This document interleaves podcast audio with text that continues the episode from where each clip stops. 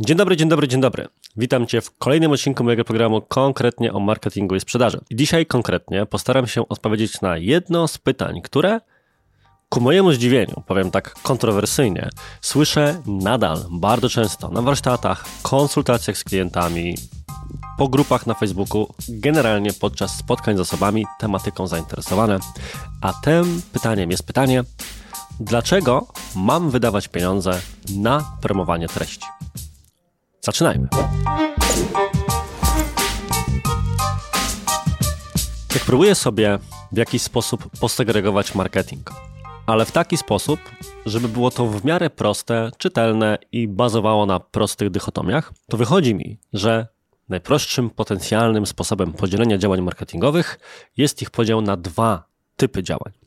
Pierwszym są tak zwane z angielska działania typu performance, czyli marketing efektywnościowy. Reklama na Facebooku, reklama w Google, reklama na LinkedInie.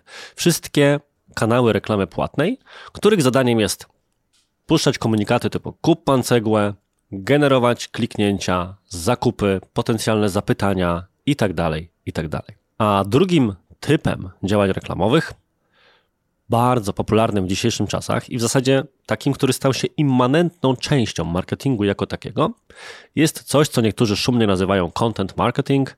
Na polski mówi się o tym per marketing treści. Ja na to mówię po prostu jest to tworzenie treści, które wspierają sprzedaż. I jakoś tak się złożyło, że wiele osób wychodzi z założenia, że działania marketingowe to albo, albo. Czyli albo robimy reklamy płatne, jest to pewna osobna działka, specjalizacja, gałąź, jak zwał, tak zwał, albo zajmujemy się tworzeniem treści. Z naciskiem przede wszystkim na wspomniane tworzenie. Tymczasem tworzenie treści to nie jest to samo, co promowanie treści.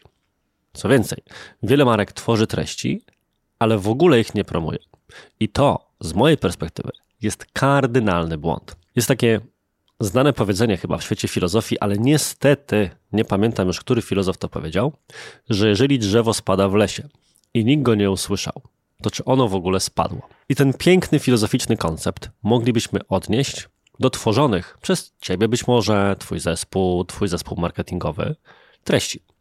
Jeżeli napisałeś, napisałaś, nagrałeś, nagrałaś, film na YouTubie, artykuł, podcast i tak dalej, i nikt go nie widział, to czy on w ogóle powstał, czy sprowadzając rzecz na ziemię, czy w ogóle warto było go tworzyć. I właśnie nad tym chciałbym się dzisiaj wspólnie z Tobą chwilę zastanowić, ponieważ teoretycznie, mimo wiedzy na temat tego, że treści powinno się promować, jak już wspomniałem, wiele marek dalej tego nie robi i zastanówmy się, dlaczego tak jest.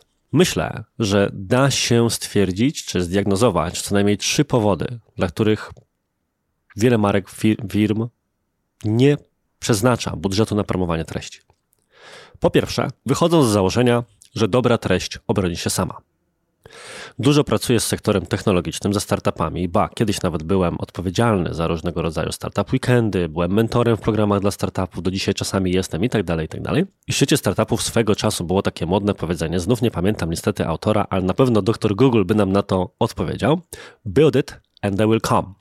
Zbuduj to w domyśle swój produkt, swoją usługę, a klienci się pojawią. I jest to coś, co zostało już dawno obalone i w punkcie wyjścia było niesłuszne, ponieważ no, ktoś się na koniec dnia musi o tym dowiedzieć. I myślę, że w kontekście marketingu treści można byłoby to zmienić na publish it and they will come, czyli opublikuj to, a odbiorcy, a w punkcie dojścia klienci się po prostu tym zainteresują i cię znajdą. Czyli jest to pokłosie mówienia o tym, że dobry produkt czy usługa nie potrzebuje reklamy, bo broni się sam. I osoby, które tak myślą, myślą prawdopodobnie również, że dobra treść, dobry artykuł, dobry podcast, tym podobne obroni się sam. Bo jeżeli będzie wystarczająco dobry, żeby był godny udostępnienia dalej, to pewnie jakieś osoby do niego dotrą i za tym pójdzie cała wiralowa mechanika udostępnień i wszyscy, którzy powinni, dany artykuł, podcast, film, cokolwiek zobaczą. Myślę, że biorąc pod uwagę, jak wiele treści dziś powstaje, nie ma się co łudzić, że to w ten sposób działa. Powstają osobne newslettery, firmy, raporty, społeczności, których jedyną rolą jest filtrowanie treści. przeczesywanie wszystkich zakątków internetu, żeby przedstawić na koniec dnia tobie jeden do pięciu linków, z którymi naprawdę musisz się zapoznać.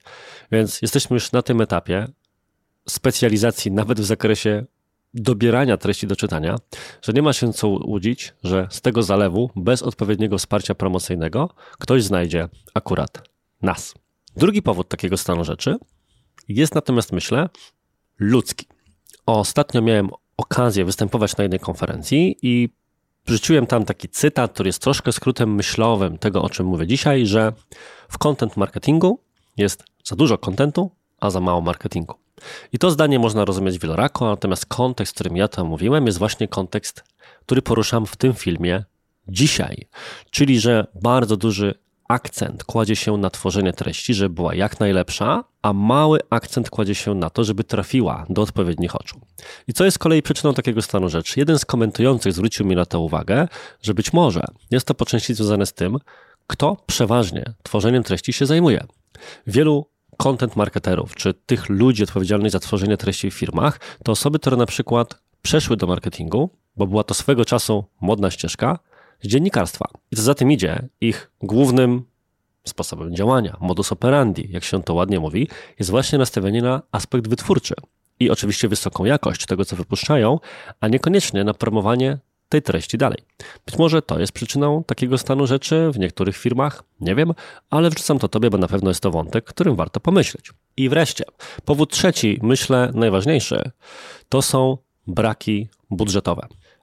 Wiele firm, myślę, i zarządzających wychodzi z takiego założenia, że content marketing tym się właśnie różni od innych form promocji, w tym reklam płatnych typu Google, Facebook i tym podobne, że jest za darmo. Czyli jeżeli już mam w coś ładować budżet, to muszę, bo tego nikt sam nie znajdzie, ładować to w reklamy typu kup pan cegłę, ale w artykuły o tym, jaka moja cegła jest wspaniała, czy dlaczego warto wybrać akurat taką cegłę, a nie inną, no tym to już niech się zajmie algorytm Google'a, pozycjonowanie, niech tutaj ludzie wchodzą z social mediów, niech sami tę treść znajdują. Czyli jest to kolejna iteracja wiary, która pojawia się przy każdym nowym kanale marketingowym, bo przecież taka narracja już była w kontekście Facebooka.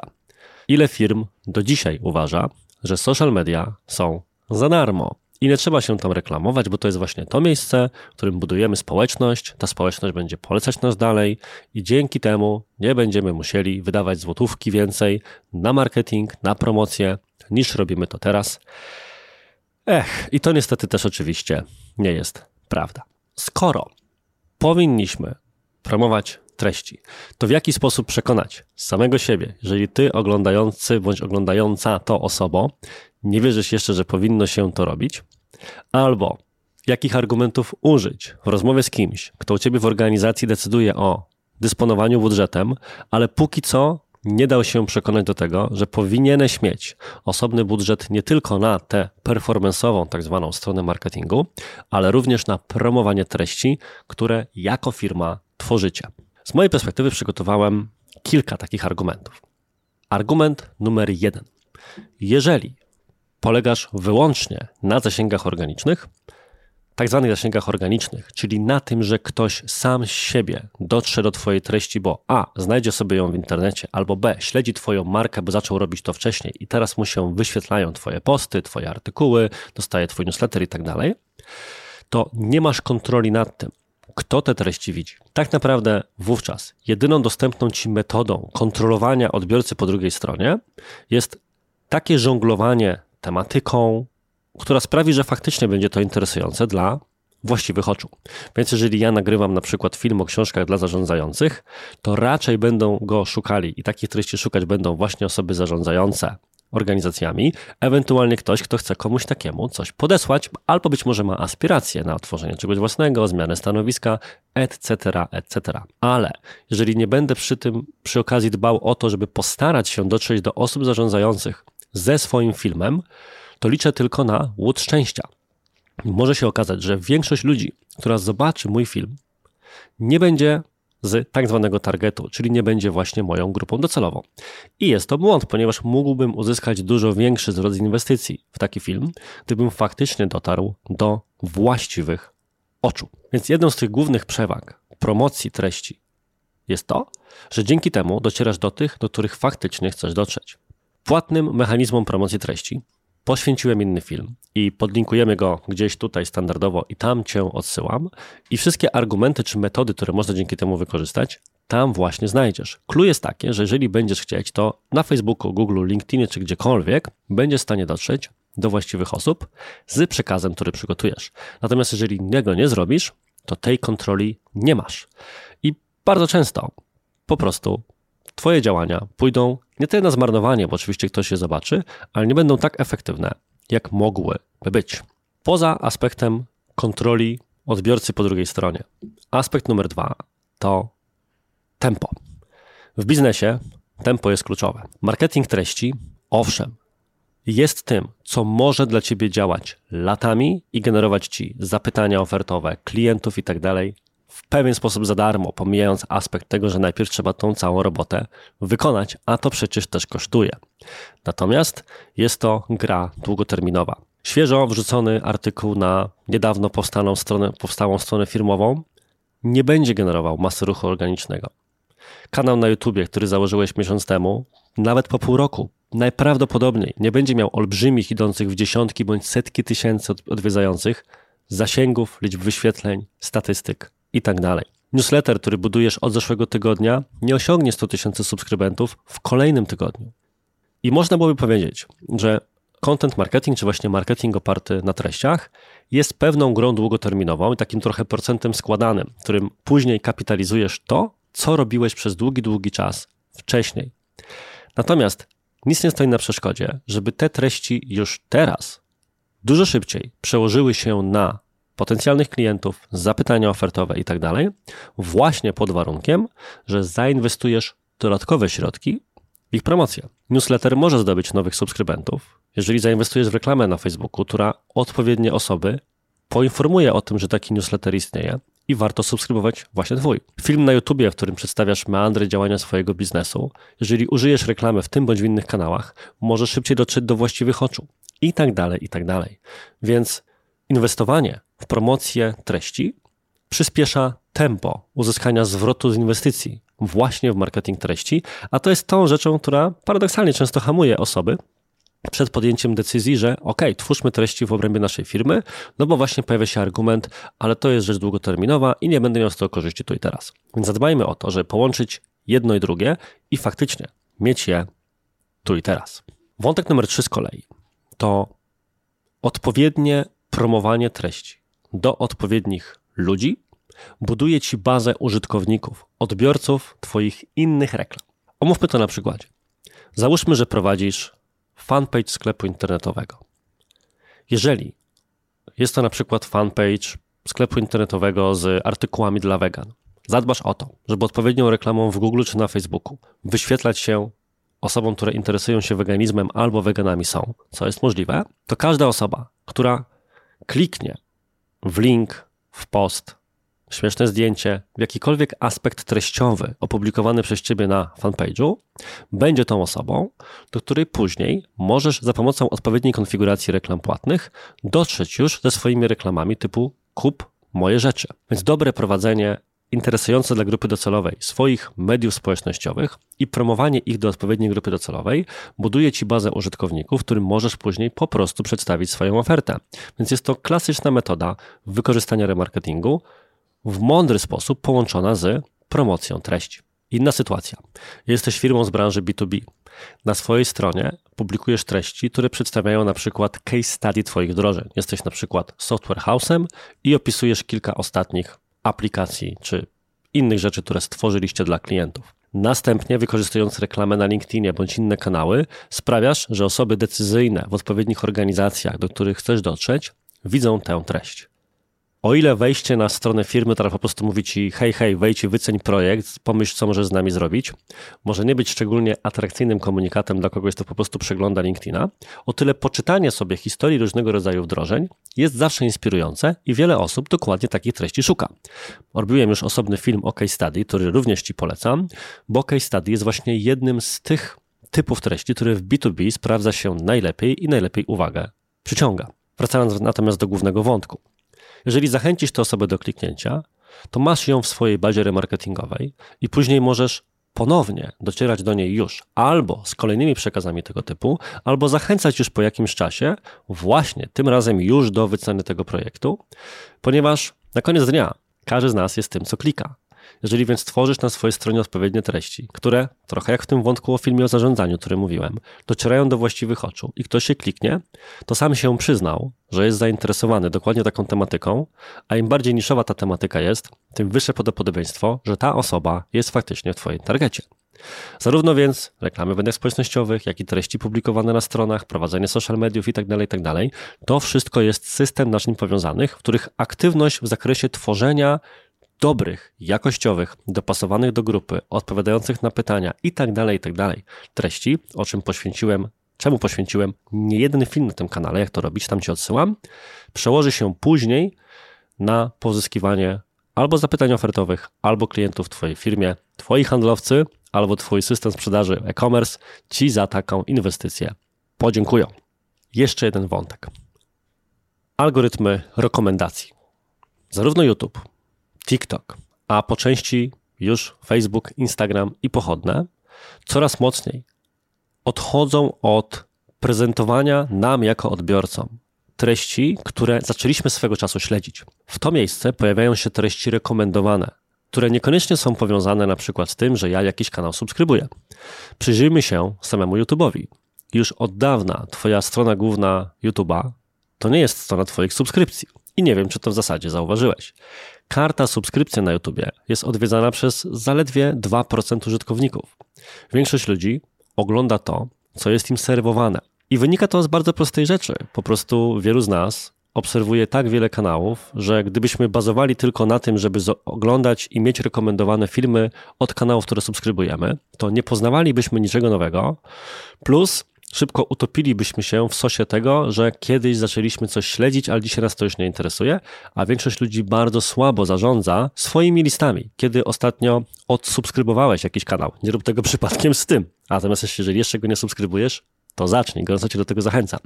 Kiedy ostatni raz wypisałeś bądź wypisałaś się z jakiejś grupy, przestałeś bądź przestałaś śledzić fanpage czy konto na Instagramie. Być może jesteś z tej części internautów czy odbiorców, którzy faktycznie o taki porządek w swoich social mediach dbają. Warto to robić, ale większość odbiorców tego nie robi.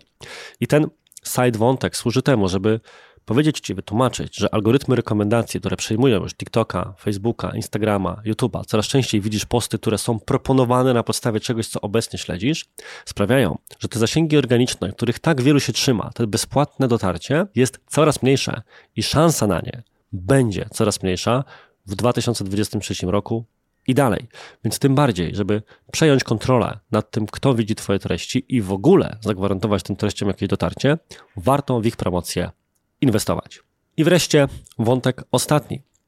Pamiętaj, że promowanie treści nie musi od razu oznaczać kampanii płatnych. Jest wiele metod na promocję i sam omawiałem zarówno w jaki sposób robić płatne kampanie, na przykład B2B, oraz również jak bezpłatnie promować treści poprzez publikowanie materiałów w grupach itd., tak itd. Tak Oba te filmy będą podlinkowane, bądź pojawią się tutaj w kartach, na pewno je znajdziesz. Ważne jest natomiast, żeby osobom, które odpowiadają za marketing w Twojej firmie, a być może jesteś to Ty, a być może członkowie Twojego zespołu, dać przestrzeń i w taki sposób zaplanować pracę, żeby jej osią nie było tylko i wyłącznie nieustanne dostarczanie nowych filmów, nowych podcastów, nowych artykułów, żeby nie tylko z tego te osoby rozliczać, ale również wyznaczyć sobie cele w zakresie miejsc i częstotliwości publikacji informacji na temat Twoich treści, żeby po prostu kierować się również wątkiem czystego dotarcia do grupy docelowej, żeby promocja była co najmniej tak samo ważna przy treściach, jak ich tworzenie.